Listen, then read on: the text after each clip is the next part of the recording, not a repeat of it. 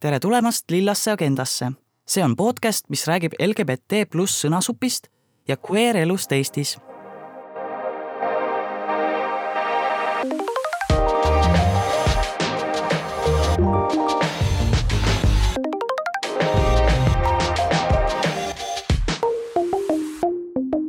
tere, Paul!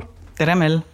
Kuna juunikuu on Pride'i kuu ja seetõttu ka LGBT ajalookuu, siis tänane Lilla agenda ongi ajaloo eri ja räägime eriti kõlakatest, gossipist ja kõigest huvitavast, mis Eesti LGBT ajaloos on. ja selleks oleme me täna kutsunud meiega sellest rääkima Taavi Koppeli, kes on ajaloolane ja ka värskelt äh, Vikerkaare kangelase tiitli võitnud.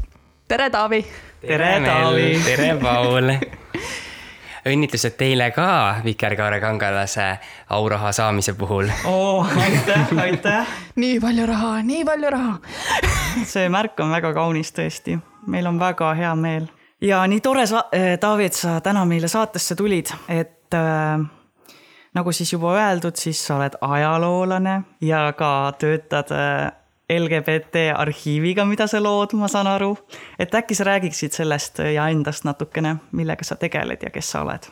mina olen siis Taavi et töötan äh, siis muuseumis ja muuseumi tööraam, noh muuseumis selline üks selline ülesandeid on ju koguda ja säilitada äh, kultuuripärandit, ajaloopärandit, ühesõnaga midagi, mis on olnud või midagi, mida peetakse tähtsaks. et kes iganes see on, et see ongi selline hästi laialt mõtestatud, et, et noh, me võime ise ka otsustada, et mida me tähtsaks peame ja see on juba sellepärast oluline et LGBT teemad on olnud ka mälumaastikul selline tabu, nagu ta igal pool on olnud, et äh, muuseumides ja arhiivides on küll kilde, aga killud on enamasti sinna sattunud pooljuhuslikult, need pole keegi taotluslikult minu teada Eestis kogunud. LGBT kogukonna pärandit või kogemust äh, varem et äh, vot sellega ma üritangi niimoodi vaikselt tegeleda, et et eks ta noh, nagu paratamatult on see, et, et seda, mida lähemal ajale on, seda rohkem materjali on võimalik koguda ja need mingid mineviku teemad on ainult need, mida on võimalik kuskilt mingeid killukesi saada, et nagu me täna ka räägime mõne osadest kildudest, mis on jõudnud pooljuhuslikult, et pole taotluslikult ja pole üldse selles, sellesse konteksti mõeldud, aga nad meil on ja rohkem meil sisuliselt ju ei ole, kui need killud mm. -hmm. ja et võib-olla alustakski siis esimese looga et äh, kas saad meile rääkida, millest see räägib? kokku ma mõtlesin, et mul on täna neli lugu ja esimene lugu ja siis ma tulen kronoloogilises järjekorras, mõtlesin, et, et hästi palju selliseid kogemusi kaasata, et kuigi mõnes mõttes on vale kasutada LGBT pluss silti nende lugude kohta, et kuna need mõisted on üheksateist sajand ja hilisemad, et lood osad on varasemad, aga sellelegi vaatamata on tegemist lugudega, kus inimestega siis äh, käitumine on kuidagi teistsugune, kui on äh, selline tollal ajal see valitsenud soonormid või siis ka seksuaalsuse normid. või siis seksuaalsusega seotud teemad. et noh, selles mõttes võib õigustada selle sinna katuse panemist, kuigi ta ei ole nagu, me ei saa öelda, et mis nende inimeste identiteedid võisid olla, kas neil üldse oli mingeid lähtuvalt soost või seksuaalsusest mingeid identiteete, mis on tänapäevaga võrreldavad, et seda ei saa lihtsalt öelda aga esimese loo juurde, et mhm. esimene lugu on pärit seitsmeteistkümnenda sajandi lõpust ja siis selle pani kirja väike Maarja kirikuõpetaja lugu algab sellega, kui kirikuõpetaja juurde toodi rätsep Rein. Äh, Rein siis oli Nuuma talu Hermanni poja juures teenistuses ja tema soovis abielluda talutüdruku Anuga. ja Anu siis oli sellesama Hermanni naise sugulane, ehk siis äh, ähm, selline lähedastes suhetes äh, siis selle talu peremehega, kellega ta juba äh, kelle juures ta töötas. ja kirikuõpetaja siis kirjutas, mis meil on säilinud, et tsiteerin, et kuulasin Reinu üle, et kas ta oskab palvetada, võtsin ta seepeale pühale armulauale. kuulutasin ta oma neli korda maha, läksin vahepeal Tallinna. selle aja sees olid nad pulmadeks valmis, pidid minu järele ootama ja edasi lükkama kuni ülestõusmis eelsele nädalale. Siis pandi nad suurel neljapäeval paari nende peremehe ja tema saatjarahva pealekäimisel. ehk siis paar pandi ilusasti paari, aga siis kirikuõpetaja kurdab edasi, et ootamatult tuli välja, et jälle nüüd tsiteerin, ta on naisterahvas, kes oh, no! end meeste riietesse ümber riietanud. oota, kuidas see siis ootamatult välja tuli vot seda ei ole täpselt teada, et sellest kirjeldusest tundub, et et siis, äh, siis külas olevad jutud liikunud, aga seda ei ole nagu, nagu sosistatud, et midagi nagu nii-öelda mäda, on ju. Äh, aga seda polnud siis äh, sakstele ega ka kirikuõpetajal poldud mainitud ja siis alles kuu aega hiljem siis see info jõudis siis kirikuõpetajani, kes siis sai väikese rabanduse ühesõnaga nad nagu siis äh, nagu küla teadis, kui suured need umbes need, äh, me võiks arvestada, umbes see kogukond oli seal külakogukond, ma mõtlen. jään täitsa vastuse võlgu. aga et... no see võis olla noh, no ütleme mingi sada inimest või? no näiteks. noh, ütleme, et näiteks, paneme näiteks, et, et nagu kuidas Rein üldse suutis leida selles väikses külakogukonnas nagu inimese, mul tänapäevasest perspektiivist tundub nagu LGBT inimesena, et võrreldes nendega on ikkagi nagu see Praegu võimalus partnerit leida. ma ei tea, Reinul vist pidid mingid oskused olema, et nagu geidar töötas. Tinder äh, tundub juba nagu täielik mõrv minu jaoks, aga nagu Rein oli ikka nagu jaa, tubli vot ja siis nüüd siin, nagu te juba välja tõite, on hästi palju küsimusi selle väikese katke kohta, on ju, et me teame, et abielu oli, on ju. me teame, et see tuli välja, me teame, et sellest tuli paks pahandus ja kirikuõpetaja siis, et see läks siis kuskile kohtusse, on ju, et see oli. kohtusse läks jah. no põhimõtteliselt, et kirikuõpetaja siis äh, argumenteeris, et abielu pühadust on rüvetatud, on ju. ja tema, tema tahtis seal äh, surmanuhtlust sisuliselt on ju. päriselt ka või? issand, ta oli ikka siis täiesti šokis sellest kogu asjast ta oli jah. surmanuhtlust, Jeesus. aga, aga siis need teised olulised tegelased seal kõrgemal arvasid, et päris seda väärt see ei ole. oota, aga surmanuhtlust siis Reinule või sellele Anule? ma, ma sain aru, et Reinule aga, aga siin, siin ongi see teema, et eh, loo on meile kirja pandud kirikuõpetaja ehk siis keegi, kes siis meile vahendab seda enda perspektiivist seda lugu, on ju. ja tema selleks eesmärgiks paistis olevat endalt süü puhastamine, võiks täitsa olla see üks liin, mis tal võis sees olla mm., millest ka see võib-olla kõrgem karistuse nõudmine. Äh, pluss veel see, et ja, tema ja. oli ju see, kes nad paari pani tegelikult, tema oli see, kes oleks pidanud võib-olla veenduma et asi on kõik korras.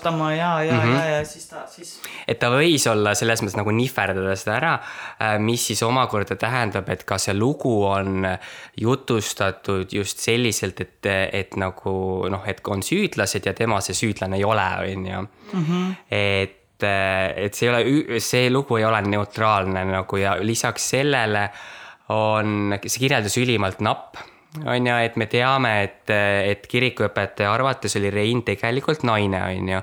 et millest me võiksime oletada, et Reinu keha võiks olla kuidagi midagi sarnaselt sellisele tüüpilisele naise kehale, on ju. aga me ei tea mitte midagi muud Reinu kohta, mida Rein ise arvas, on ju. milline ta, ta keha tegelikult oli, on ju, noh, null infot selle kohta. või mis ta identiteet oli, on ju. kas tal üldse selle kohta oli mingi identiteet, on ju Äh, me lihtsalt teame, et ta, me ei tea isegi seda, et miks ta kandis riideid, mida toona seostati meheks olemisega, miks ta tahtis naisega abielluda äh,. mitu oletust saab teha, aga ei ole selles mõttes, kuna pole allikaid, siis ei ole, oleks teine allikas siis saaks kuidagi kõrvutada ja võrrelda, et kas jah. lood lähevad kokku, on ju, ja et mis eriti seal kui kokku läheb, et see on Jaa. ilmselt nagu rohkem tõene. aga mul on küsimus, et või noh, siit tekib selline küsimus, et huvitav, et kas see spekulatsioon, et kas nagu Anu teadis näiteks mm. -hmm. Reino identiteedis või mitte identiteedist, teadis tema nagu et... soo kohta. noh, mulle tundub vähemalt, et see tundub nagu loogiline, et ta teadis, kuna tegu on nagu väikse külakogukonnaga, pluss veel nad olid ühes talus, ma saan aru, Jaa, töötasid jaa. et see tundub nagu mõeldamatu, et nad ei teadnud, see tähendab, et see tähendaks, et Rein oli juba varasemalt sinna näiteks sisse rännanud äh, juba Reinu nime all. no ei pidanud teadma selles mõttes, et äh, on ka teistsuguseid lugusid, kus on, kust on, on inimesed on siis varjanud põhimõtteliselt äh, seda noh, et ei olegi välja tulnud ja siis kõikidel on vähemalt allikate järgi on kõikidel üllatus, on ju. kas see päriselt ka niimoodi on või ei ole ja kui me räägime sellest sosistamisest. ja kui küla peal juba teati, siis Jaa. ilmselt pidi ka talus teadma. ja no siin on ka see, on ju, et ähm, kes kellega tahtis abielluda, on ju, et kuna me teame, et Anu oli lapse ootel, on ju, ja omal ajal oli ju vallaline äh, ema oli kõige suurem tabu üldse, kõige hullem asi, mis naisega võis juhtuda, on see, et ta on üksikvanem, on ju. ja et ta selle lapse sai ilma selleta, et tal oleks abielus, on ju, abieluväline laps ja, ja see on, selles mõttes ei ole ju olnud homoseksuaalsus näiteks Eesti külaühiskonnas mingisugune teema, on ju, oli vallas emad, on ju. ja siis võis ja kuna nagu see Rein oli seal talus töötas, on ju, samamoodi nagu Anu, on ju, Anu oli seotud selle peremehega sealt äh, tema naise sugulane, on ju, et siis see võis olla sellise Anu äh, näo päästmise aktsioon, on ju, et pere tundus ja sugulased tundusid eriti huvitatud, kiirustasid kirikuõpetajad tagant, on ju mm.. et tundub, et nad võisid täiega teada seda kõike, mis yeah. toimus, on ju, ja olla, et teeme kähku ära, et siis päästame selle seisu ära. et niikuinii halb seis on, on ju, et, et me ei tea, et kas Rein ja Rein oli nagu siis, ma saan aru, seal on ju sulane, et mm, -hmm. et tema siis oligi nii-öelda see, kes sai abielluda, sest ta ei olnud sugulane. Et, et me ei tea, et kas, kas Rei-, Rein, mida Rein tegelikult tegi, et Rein te võis vabalt ka olla ju sissooline naine, kes otsustas vastu tulla ja lihtsalt riietuda nendeks riieteks ja mängida seda rolli, on ju, nii-öelda ta võis olla transsooline mees, on ju, noh, tänaseid mõisteid kasutades. ta võis olla lesbi tänasest võis olla mõistest. mittebinaarne. ta võis olla hetero, no me ei tea, on ju, seda.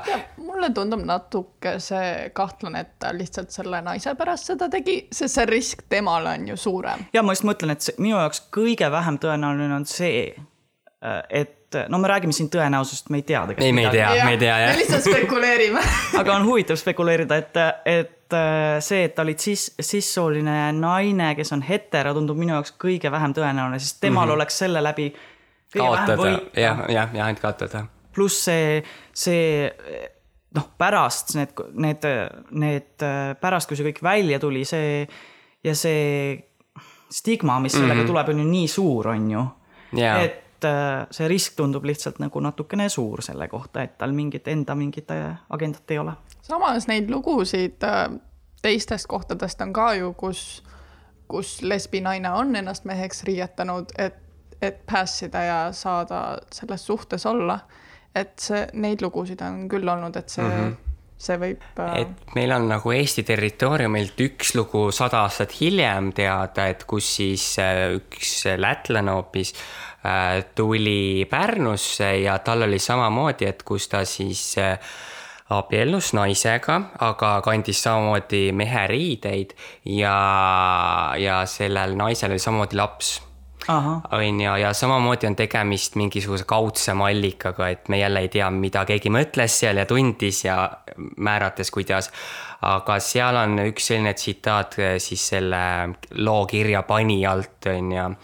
et sest see äh, ma tsiteerin siis, pidades oma abitu olukorra üle aru, et siin ühesõnaga ta oli orb, on ju, et ta oli selline hästi vaene, on ju, jätkan seda tsitaati.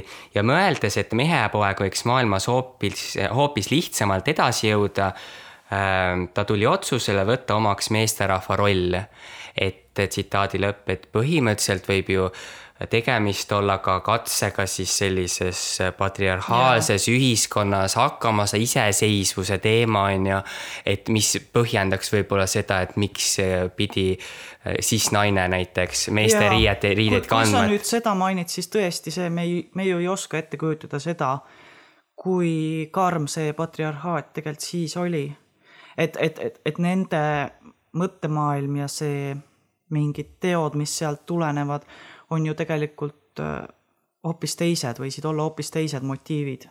Ja. selles mõttes küll, jah. no sest võimalusi mehel oli ju kindlasti rohkem kui ja, naisel. eriti kui ta on nagu vaene ja orb ja pereta ja siis ma ei tea, näiteks see naine on saanud sõbraks temaga lihtsalt siis nagu jah ja. see aga selle loo puhul oli see, et kui nad abiellusid, et siis oli vähemalt selle kirjapanija järgi on jällegi allika kriitika koht, et äh, nad olid siis see naine, kes ennast siis meheks riietas, ütles, et, et seksuaalsuhted jäävad ära, on ju.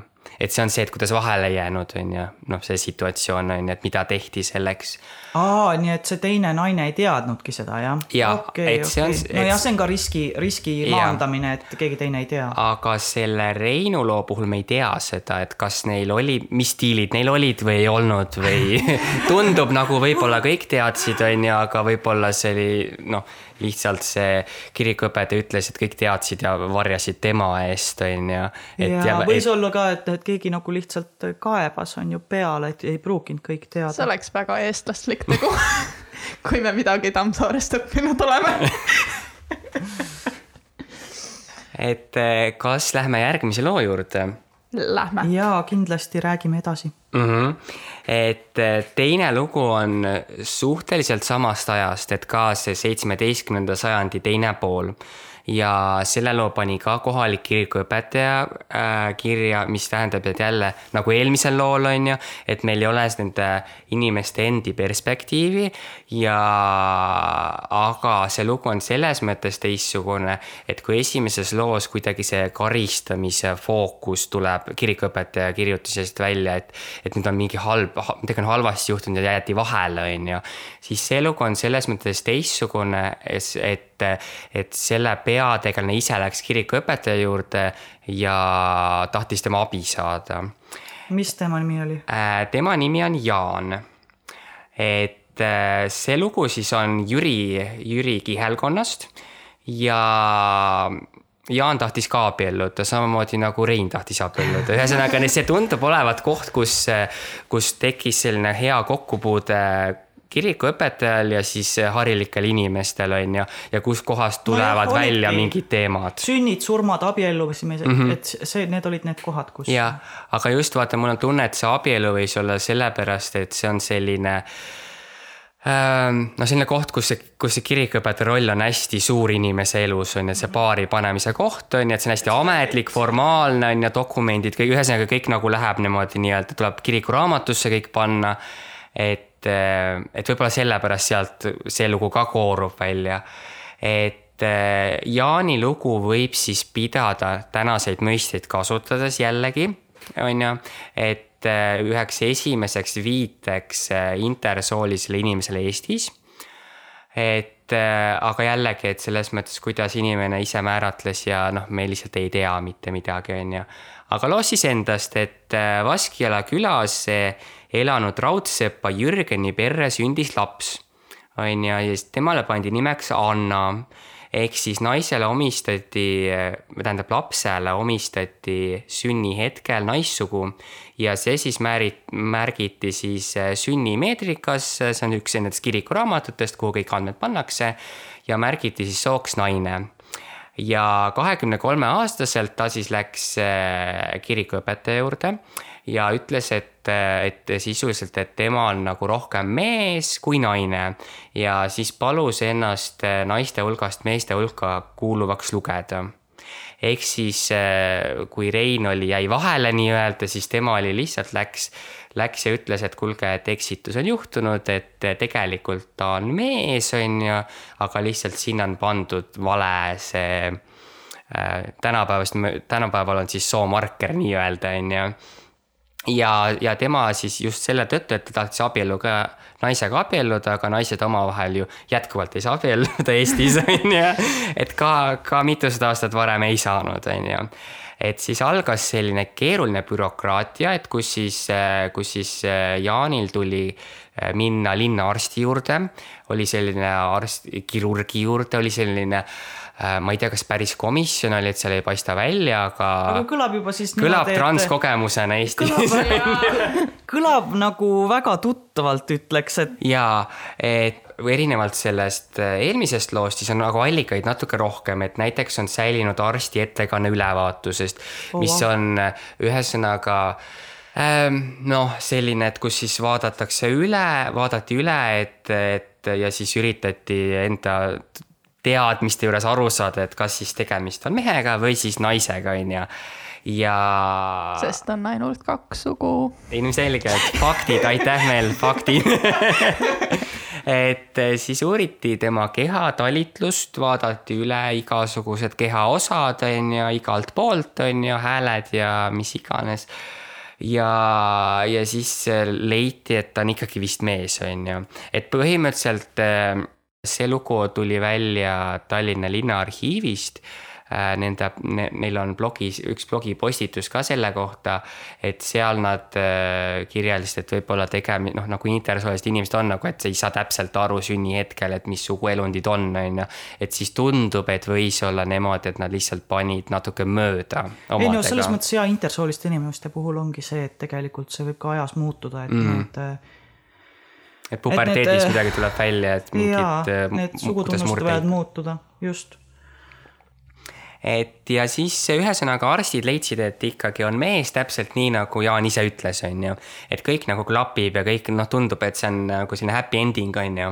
jaa et Eestimaa ülemkonsistoorium andis talle tunnistuse, et mille alusel ta siis riietati ametlikult meheks püha, pühalik ümberriietamine ja siis äh, Jüri koguduse kirikuõpetaja pidi siis kogudusele teada andma, et, äh, et siis endise nimega siis Annat tuleb nüüd, nüüdsest peale Jaaniks kutsuda.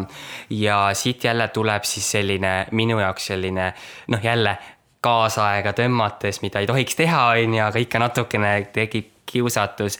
et äh, selline kaasaegne lähenemine, mida meil hetkel ei ole, on ju, et siis trahvi ähvardusel keelati talle tema varasemat olemist või endist nime meelde tuletada oh,. Wow, wow, võiks selle sisse lülitada. ehk siis, ehk siis ei ole mingit nagu dead naming ut, on ju, et sorry, et siis Jaan saab öelda, et äh, keegi ütles talle tema nime või selle sünnil määratud nime, mis ei ole õige nimi ja siis võib noh, eelduste kohaselt võisid tagajärjed tulla, on ju. Vau, seda sa võtsid seda ikka väga tõsiselt, see on nagu nii tore. Pole kunagi tahtnud minna tagasi aastasse või seitsmeteistkümnendasse sajandisse, aga ja... see kõlab väga hästi. trahvi ähvardusel ja et eh, ma arvan, et see ongi võib-olla selle loo selline positiivsuse tipphetk, aga iseenesest on ta pigem selline kurb, kurb lugu, et, et Jaan tahtis ju abielluda, see oli üks asi, mille pärast kogu see jama, et mille pärast oli siis sinna arstide juurde valmis minema ja, ja kõik selle protsessi läbi tegema.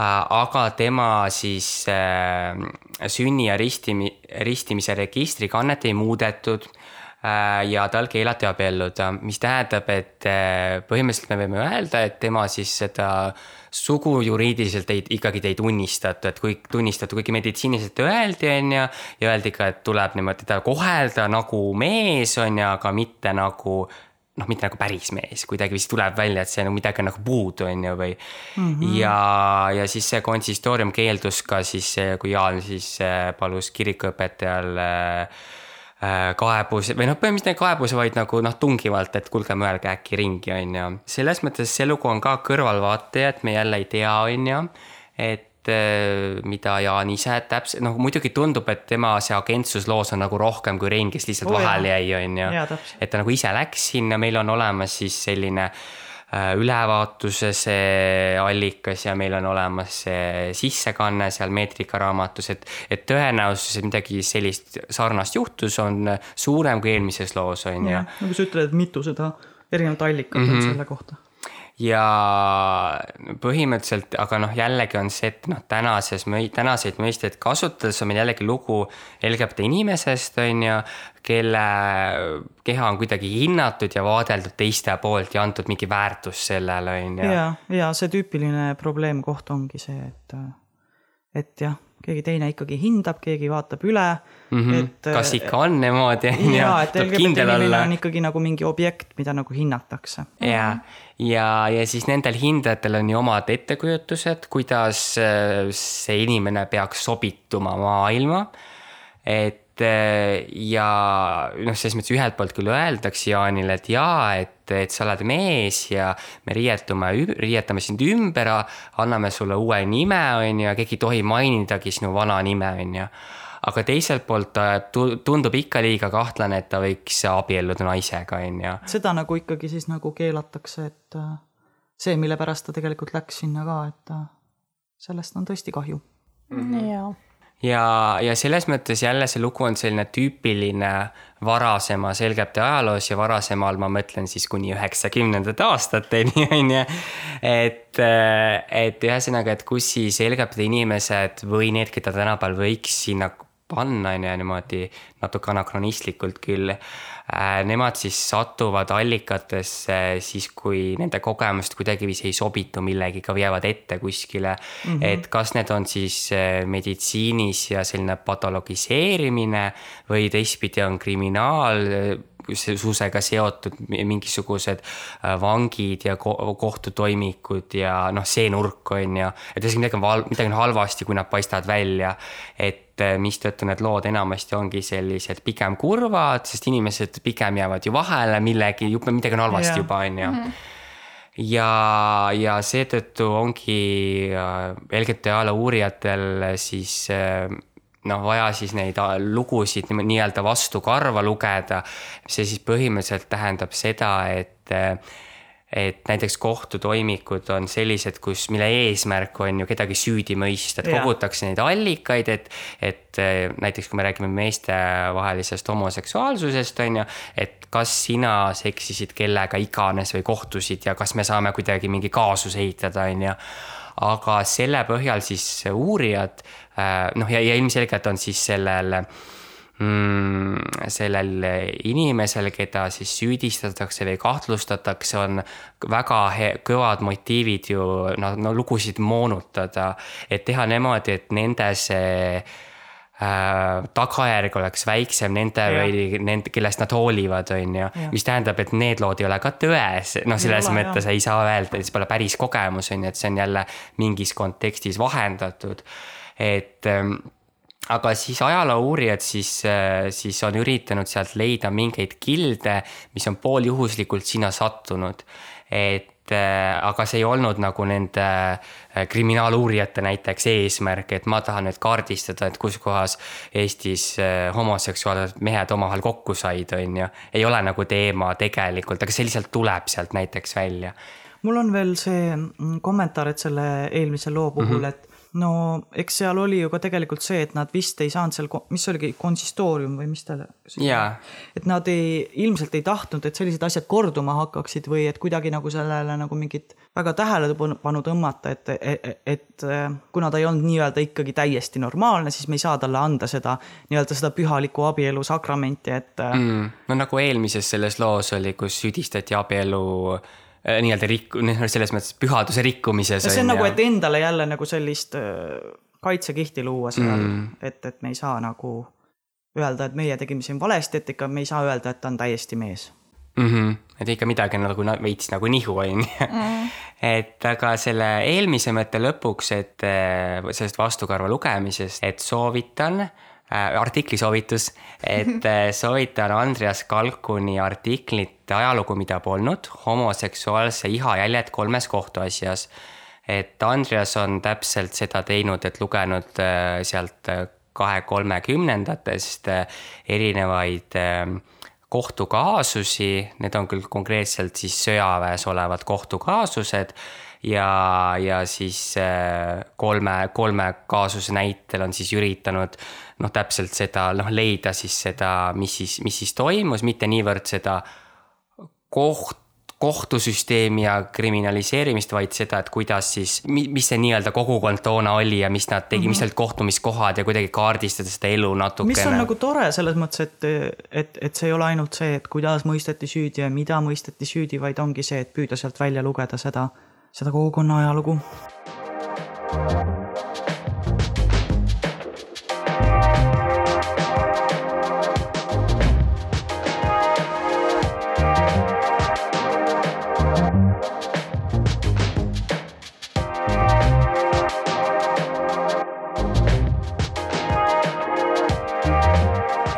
Kas siirdume kolmanda loo juurde? ja ma väga, väga põnev oli juba, et mis sealt edasi tuleb, et siiani on siis trans- ja intersooliste inimeste lugusid olnud. aga siis Taavi. kolmas lugu on samamoodi nagu siis see Andrese artikkelgi et on sõjad, sõdadevahelisel perioodil, et täpsemalt kolmekümnendatel aastatel. tuhat üheksasada kolmkümmend, ma ütlen. tuhat ühe, jaa, ja aitäh, aitäh. sa oled see ajaloolane, kes kohe arvab, et inimesed saavad aru, kui räägitakse kolmekümnendatest. no täpselt, et see ei ole meil siin selline Caesari aeg või et Jeesus ei sündinud just umbes, on ju. et ei, tuhat üheksasada kolmkümmend jah, aga nüüd edaspidi me oleme kahekümnendas sajandis, et nüüd, kui edaspidi mõtlen mingi aastaarvu, siis ta jääb kahekümnendasse kahekümnendasse sajandisse. see ei tähenda, et vahepealsest ajast ei oleks mingeid lugusid, aga need on lihtsalt, mis on tänaseks välja valitud mm. -hmm. jah ja siis kolmekümne kolmandal, kolmandal aastal ilmus äh, Rahvalehes, mis on selline võib-olla kollasem ajaleht, äh, lugude sari pealkirjaga Lilla õudus et lilla siis nagu teil on lilla agenda on ju, shout out et sellel sõnal on ka sellised äh, juba, juba sõdadevahelisel perioodil juba oli juba tähendus, on ju. et äh, ja selles mõttes see artiklite seeria on eriline, et muidu on ka lugudel on mingid killud, äh, mis siis meediast tulid, mingi sensatsioon ja kõmu, et, et aga selline ta, ta oli selline hästi mitu, äh, mitu, noh, seeria oli hästi pikk, hästi mitu lugu oli seal ja ta on hästi põhjalik, äh, eriti Tallinna kirjeldustega.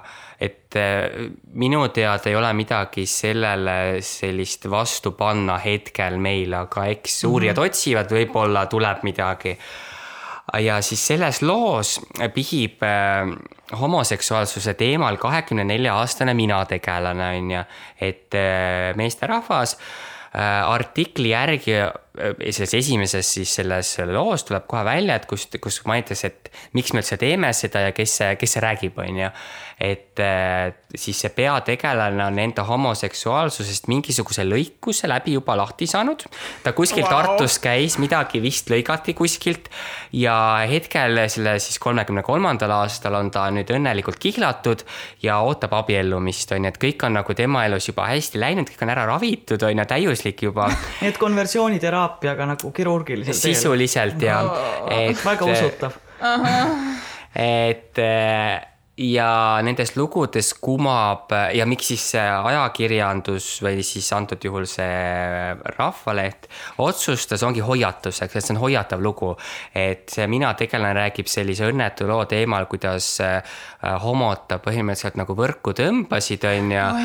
ja, ja tema, tema oli nagu selline noh, süütu pealtvaataja, kes lihtsalt nagu lihtsalt ajas enda asju ja siis ta langes sinna. aga et need homod on kuidagi nii kavalad ja nii nagu veenvad ja ta on no, lihtsalt sunnitud. kuskilt need stereotüübid tulevad, on ju, et mm -hmm. miks inimesed arvavad, et mm, -hmm. et geid nagu kuidagi mõjutavad noori, et. jaa, aga see noh, see on lugu. see on nüüd näide sellest. vot siin on tulevad. faktid, puhtad faktid et, et noh, selle loo puhul muidugi, kuna tal on ta räägib siin aastatest, on ju, et selles mõttes tal on nii palju konteksti, et ta ei ole mingisugune juhuslik kõrvaltvaataja, vaid et ta ikka teab detailselt äh, kohalikku elu, on ju. et ta oli nagu täiesti selles kohalikus, selles skeenes sees, on ju, ja päris tugevalt, et, et ta ei ole, et selles mõttes, ehkki see on nagu jutustatud, nagu tema oleks see süütu pealtvaataja on ju, siis tegelikult sealt loost lihtsalt tuleb liiga palju infot Jaa. selle jaoks on ju. et ta, et ta niimoodi kogemata komistas sinna otsa on ju. ja, ja no ta on selline kahetseja, ütleme niimoodi. jah, et. selles loos. sel-, noh jah, ja selles mõttes teda võib-olla võib võrrelda nendega, kes noh, kohe tuleb Ühendriikides näiteks meelde, et kes ongi ümberpööramisteraapia läbinud ja nüüd tulevad ja räägivad noh, põhimõtteliselt, kuidas nemad nagu vabanesid ja mis see kõik halb oli ja nüüd on kõik nagu Jaa. hästi, on ju, ja nüüd Jaa, on nagu jaa. päris elu hakkas pihta, on ju. et midagi sarnast tundub. nii, loo juurde esimeses siis selles äh, loos kohe ta ta hakkab enda seeriat pihta siis äh, kirjeldusega äh, õhtusest ajast Musumäest. et kui, mis sealt kõik toimus ja Musumägi siis Tallinnas, mitte Tartus, et täpsustus ja ma siis tsiteerin natuke, mis siis seal Musumäel toimus kahvatu rohekas laternavalgus langeb aeg-ajalt meeste nägudele.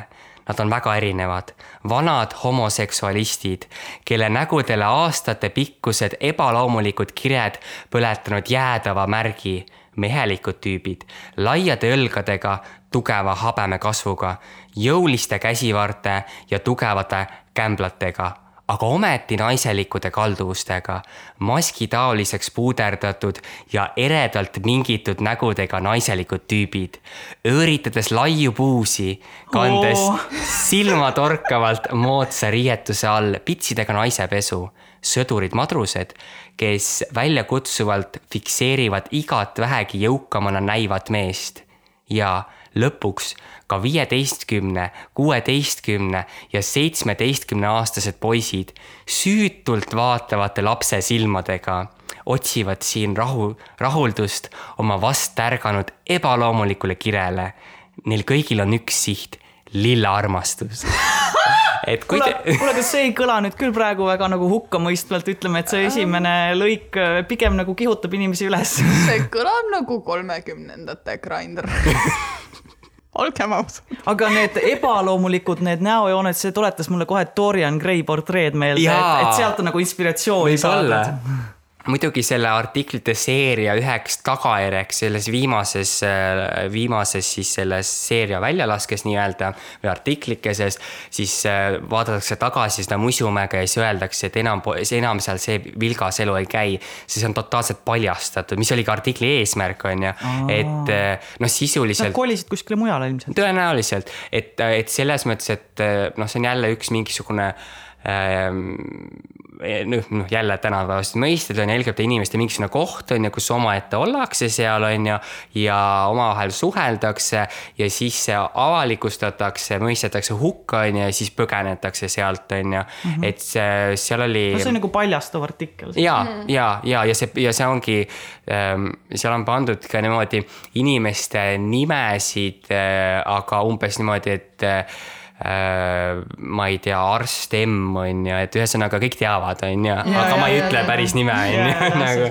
ja see tundub nagu, ei, tegelikult ma olen sirge, aga ma räägin oma artiklis sellest kohast nii homoerootiliselt, aga ma olen sirge. ja ei, ei no kogu aeg tal on niimoodi, et teda ikka võrgutatakse seal ja siis ta langeb sinna, kõik on nii halb, on ju, aga ta kuidagiviisi ikka satub, on ju. Vaesekene, vaesekene edasi. on ju, et äh, ja siis seal teine selline huvitav, mis sealt artiklitest välja tuleb, on niinimetatud Therese Loss Tallinnas Endla viiskümmend üheksa aadressil mida siis artikli järgi pidavad kõik homoseksualistid teadma Tallinnas Endla viiskümmend üheksa, oota, millises Endla otsas see on siis? No Raekoja poolt hakkab üks pihta ja. ahah, okei okay,, selge.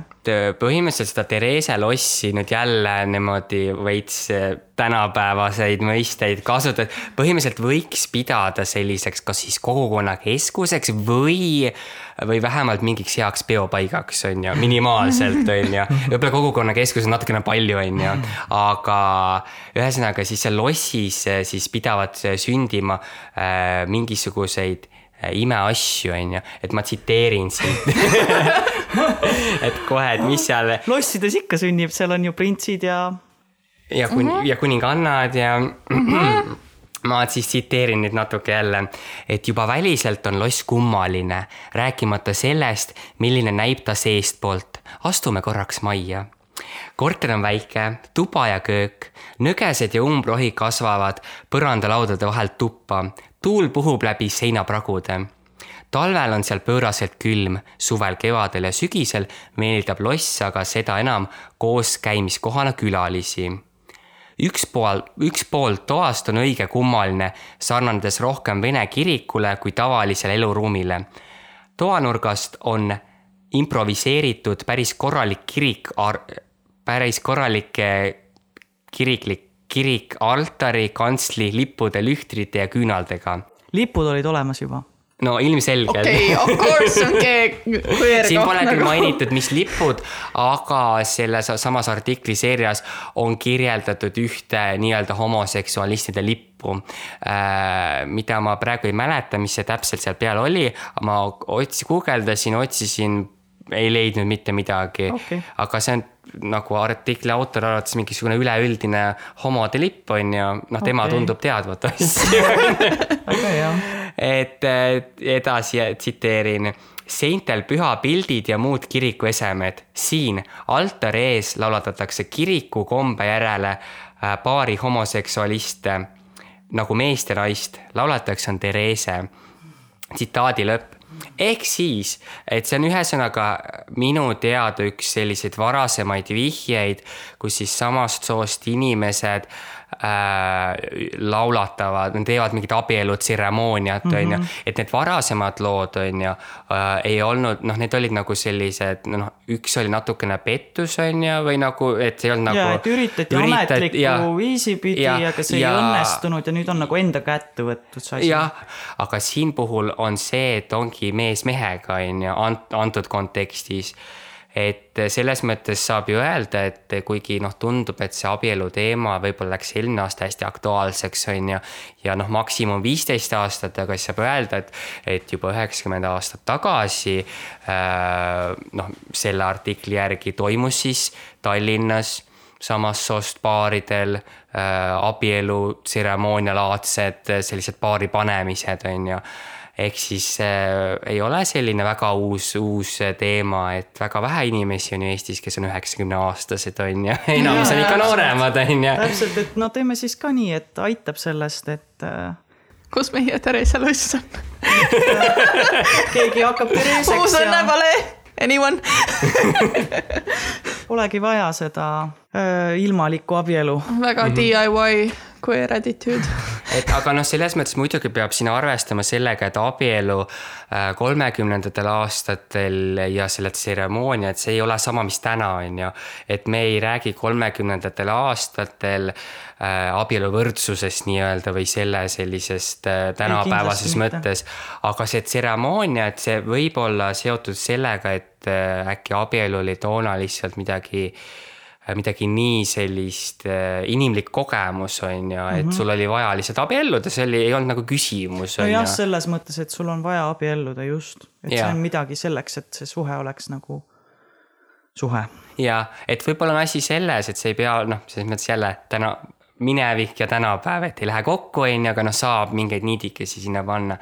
aga siis Therese Lossist on üks, veel üks huvitav kirjeldus äh, Äh, mis siis, äh, kui ma seda lugesin, mul kohe nagu õhkus selline Paris is burning või Bose'i sarjas mhm. tuntud selline, selline hästi kogukonnakeskne, selline vaba olemine, et kus siis on mingisugune natukene võistluslik moment mm -hmm. ja mingisugused sellised äh, üle elu suurused mingisugused sellised auhinnad või mingid tee-, noh, kõik on nagu nii suur ja, esinemised ja, ja, et see meenutas mulle seda sarnast, on ju, sarnase hõnguga mm, -hmm. et et noh, muidugi see ei ole sama asi, on ju.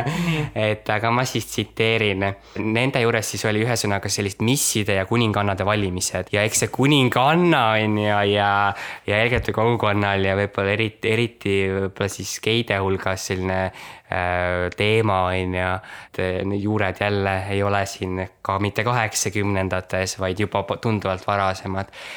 Et ma siis tsitaat, et ühest neist üritustest, et Äh, kokku oli tulnud kahekümne mehe ümber. Äh, neist pooled naiste riietes või muidu kostumeeritud. Theresel on kodus oma naiste riiete garderoob, kus leidub mitmesuguseid hilpusid. Äh, seekord oli ta riietatud jälle õige kuningannalikult. see on siis siit, see on siis jutumärkides selle artiklis märgitud. jätkan, peas oma tehtud naise parukas Äh, millele kuldpapist kroon, suured kõrvarõngad, kaelakeed ja käevõrud, seljas kleit ja kujutud äh, kampsun, äh, mida kattis mingi mantoo. lõpuks veel lehvik käes ja puust valitsuskepp teises käes. nii ta uhkelt liikus oma alamate hulgas. peale selle valiti sellel olengul veel Pirita ja Nõmme kuningannad kuningannade valimine ja kroonimine toimetati suure tseremooniaga. külalised olid ühte toanurka eraldatud ja ootasid kuningannade tulekut. mõlemad tulid uhkelt riietatuna, parukad peas, naiseilbud seljas, käes äh,, käed ja kael ehitud. Therese teatas pidulikult, et tänavuseks Pirita kuningannaks on valitud, siin on jälle tsitaat, lipakas et see on jutumärkides, ma arvan, võib-olla see on nagu tänapäevases mõttes, võib-olla see on nagu mõnes mõttes esine, esinenimi, aga teiselt poolt äh, seda, neid artiklite seeriat lugedes tundus, et anti üksteisele mingeid hüüdnimesid. et tema hüüdnimi võis olla lihtsalt lipakas, on ju mm. -hmm. Yeah. vot äh,, jätkan, Nõmme kuninganna Loola. järgnevalt ta luges ette tõotuse, mida mõlemad kuningannad kordasid kroonimine sündis jällegi Therese ülemjuhatuse all ja tsitaadi lõpp. ja siis järgnes kuningannade kroonimine ja eeskava, et mingid tantsud, mingid üritused, ühesõnaga noh, see on ju grandioosne, on ju, et see ei ole mingisugune selline nurgatagune, mis iganes, on ju. ei, see on ikka tõsiselt ette mõeldud üritus ja mm. -hmm. kõlab nagu pidu. kuningannad ja valitsuskepiga lausa. ja, ja ise tehtud need äh, parukad. kostüümid ja parukad ja kroonid ja, ja, ja meil ongi mingi kümme inimest on ju, on tulnud kokku selle ürituse jaoks, sellel ühel. kakskümmend jah, sellel ühel, ühel sellel üritusel on ju, aga me ei tea, kui palju neid üldse kokku oli, kas see oli nagu üks sõpruskond on ju, kes tegi lihtsalt on ju, tundub, et Therese noh, mõnes mõttes see on nagu LGBT inimestel on olnud ka sellised salongi teemad. ma just tahtsin öelda, et see ja. kõlab nagu mingi salongi teema mm. -hmm. et see on võib-olla see uhke grandioosne Therese salong on ju, mis siis äh, paistab siit välja. et aga Theresest, et äh, kuna see totaalselt öeldi aadresse on ju kus kohas need oh, jaa, homod tõsi. saavad kokku, on ju. aga ma saan aru, et see oli mingi mahajäetud hoone või? ta oli nagu selline räämas ja mitte kõige nagu sellisem ähm, esinduslikum koht. aga samas ta, ta oli nagu, ma saan aru, et katus oli püsti, on ju, kuigi sealt kasvas veits võsa vahelt läbi, on ju. aa, okei, okei, okei, mul jäi selline mulje, et see polegi kellegi kodu, vaid et see ongi mingi selline vaba pind. ma ei tea, kas nad sisuliselt nagu squat isid seal või nad, või see oli näiteks võib-olla Therese oma, aga võib-olla Therese ei olnud nagu nii heal järjel, on ju. aga seal Theresega juhtus ju see asi, et, et kuna siin põhimõtteliselt paljastati see aadress, see Therese loss, on ju, et seal siis mingid inimesed, ma saan aru, et siis käisid seal sees umbes ja et see põhimõtteliselt seda, seda kohta nagu ürit-, noh, nii tänapäevaseid mõisteid äh, kasutades võiks olla mingisugune nagu vihakuritegu nagu on ju, et see, et see nagu see mingisugune koht on ju, tuleb välja, no natuke nagu no, Musumägi. nagu täielikult. jah, mhm. et natuke nagu Musumägi, kus nad ise nagu läksid ära, on ju, kui see oli paljastatud, on ju, aga see avalikus ruumis liikumine on veits nagu teine teema kui see, kui sul ongi mingisugune hoone, kus sees sa korraldad midagi. ja siis öeldakse, et see on see koht, on ju. ja siis sinna ei saa enam minna, aga selle koha leidmine on ju nii raske, ju. et see võib jah, tugevamalt mõjuda kindlasti mm, -hmm. võis mõjuda. aga ma arvan, et siin need nimed, mis on küll mainitud, võivad olla täiesti need nimed, mille, mida nad ka kasutasid, on ju mm. -hmm, mm -hmm. ma arvan ka, et et need olid mingid hüüdnimed yeah., et sest äh, noh, kohati on ju tänapäeval ju ka, et kui mingid äh, Tinderi teemad on ju, et kes paneb enda nime, kes ei pane enda nime, on ju Äh, aga toona veel rohkem, et kuna, kuna see noh, vahetult kolmekümnendatel meestevaheline seks äh, muutus alles legaalseks, aga see oli pigem see asi, mis nagu tohutu tabu ja, ja noh, nagu siit tuli ka välja, et, et äh, Tartus käis ravi, mingi ravimine olevat olnud, mhm, on ju, ja see on suur hukkamõist ja kogu artikkel on selles, et noh, hästi seostatud pedofiiliaga, et, et noored poisid ja, ja vanad, vanad homod, on ju, noh sisuliselt on see, see narratiiv, mida nad räägivad seal, on ju. et need hüüdnimed võisidki olla need, et, et keegi teaksid, kes sa täpselt oled, et sa kuulad mingisugune a la, ma ei tea, lambist no panen praegu mingisugune täpselt. pealik või nagu sellel, sellel Jaanus Samma tegi ju näituse sellest nüüd nõukaajast nii-öelda esimehest, on ju. et see on ka, et ei olnud tuntud võib-olla enda, enda ees- ja perekonnanime järgi, aga kuuldused käisid esimehest, on ju. nojah, see oligi enda, enda nagu turvalisuse tagamiseks olid need hüüdnimed ja noh, muidu ka mm -hmm. lõbus, on ju mm. -hmm. nagu väga huvitav, et meil on tegelikult selline artiklite sari olemas, seda oleks küll huvitav lugeda kas see on kuskilt kättesaadav ka? see ei ole kättesaadav, no selles mõttes ta on teoreetiliselt leitav Rahvusraamatukogu digikogust, nad ju digivad neid.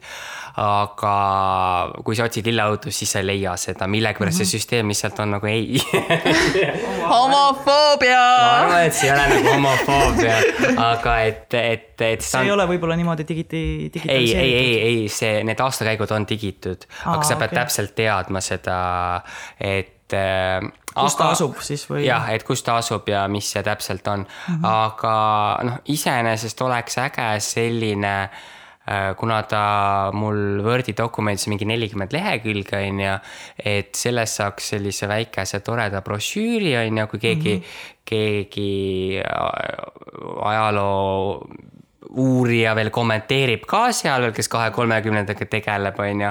see oleks, ma arvan, täiega tore raamat on ju mm -hmm., raamatukene väikene, sest noh, ei olegi midagi sellist vastu ja, panna. konteksti juurde panna, nagu mm -hmm. vaata, sa räägid ka samamoodi, et sa räägid sinna juurde, et kuidas seda lugeda ja. ja, ja, see... ja mis toimus tollel ajal ja mis see poliitiline kontekst oli ja millal mm -hmm. see seadusega, mis sa ütlesid, et, et siis äh, läks legaalseks see ja, ja kuskil kolmekümnendate alguses, et see seadus äh, põhimõtteliselt äh, enne kehtis tsaaririigi nuhtlusseadustik, siis kahekümnendatel ja kolmekümnendatel jõuti siis sinna, no kahekümnendate lõpus võeti uus vastu, aga siis natukene võib-olla paralleelkooseluseadusega, et neil läks natuke aega, enne kui see jõustati täpselt mm. -hmm. ja praegu, nagu ma olen aru saanud, siis äh, Äh, siis ega me täpselt ei ole veel sada protsenti kindel, mis see, mis see aasta või kuupäev täpselt oli, millal ta kehtima hakkas uh. -huh. aga ta peaks kuskil kolmekümnendate äh, esimeses pooles okay, kindlasti olema. ühesõnaga siis selles. ei olnud. kolmekümnendatel nii-öelda siis Eestis ei pandud enam vangi selle eest. no siin on küsimus, et kas nagu varem, varem nagu pandi, noh nagu ka nõu-. oli võimalik panna, ütleme varem. ja, ja et, äh, et noh eks see ole selline keeruline asi, mida nagu tõestada, aga ole, oleneb, on ju, et mis need alli-, mis need äh, tõendid on, mida koguda. aga, aga see ei olnud nagu kolmekümnendatel, nagu mina olen aru saanud, et ta ei olnud selline äh, Äh, mingisugune nagu võitlus ja kõik oleks nagu saavutanud sellega midagi, vaid see lihtsalt oli, lihtsalt nad uuendasid ja mm -hmm. lihtsalt võtsid selle sealt ära. see oli nagu, nagu ka üheksakümne teisel aastal, kus jälle meestevaheline seks legaliseeriti, on ju. et see ei olnud jälle, et see oli lihtsalt asi, mis lihtsalt nagu lipsas kuidagi sealt läbi, on ju. nojah, võib-olla vaadati ka teisi riike, et ma saan aru, et nagu ei, Saksamaal ka, kas Saksamaa. kahe kolmekümnendatel, ei, ei, ei, Saksamaa, Saksamaa hakkas veits ju ei no veel see ei olnud, aga. aga, aga ei, see Eesti oli ikkagi suhteliselt erandlik, suhteliselt erandlik. et noh, muidugi on mingeid riike, kus ei olegi kunagi kriminaliseeritud nagu Poola näiteks on ju. päriselt või? Minu teada küll ei ole. Või vähemalt okei okay,, natsi ajal nendel oli, on ju, kui neil natsiokupatsioon ja siis natukene tõenäoliselt, kui Vene väed tulid lihtsalt üle. on kuidagi kahe silma vahele jäänud mm.. ja, ja, ja noh, põhimõtteliselt ju Prantsusmaal ju ka noh, see eeskuju ongi vist Prantsusmaa, kus siis äh, revolutsiooni ajal siis kaheksateist sajandi lõpus äh, kõik kirikuga seotud seotud seadused tühistati, on ju. ja, ja siis, siis on nagu abieluga seotud asjad ka hakkasid nagu, et äh, abielu riigist lahutamine üldse, mis Eestis siis ju alles kakskümmend kuus, kui ma õigesti mäletan, tehti, et enne oli, kõik oli kiriku läbi mm. ja, ja Nõukogude Liit ju äh, tuhat üheksasada, kas see oli seitseteist, võin valetada praegu, äh, võttis vastu enda uue kriminaalkoodeksi ja legaliseeris abordi, homoseksuaalsuse, hästi eesrindlik tegelikult, et ennem kui Stalin võimule sai, et siis -hmm. pööras sära alles, on ju, et aga sellised Äh, kodusõja ajal ja siis nagu vahetult peale võiks öelda, et selline hea kant elamiseks. LGBT inimese Et mõttes. mingi selline vähemalt moder- seadusandluse. mingi modernsus tuli sealt läbi, aga siis see nagu jah. ta jah, ta kiiresti nagu keerati kinni. jah, kraanid nii, aga täna siis lõpetame siinkohal meie lugude jutustamise. järgmine kuu tuleb siis välja teine osa ajaloo erisaatest. kohtumiseni. näeme siis. 交哦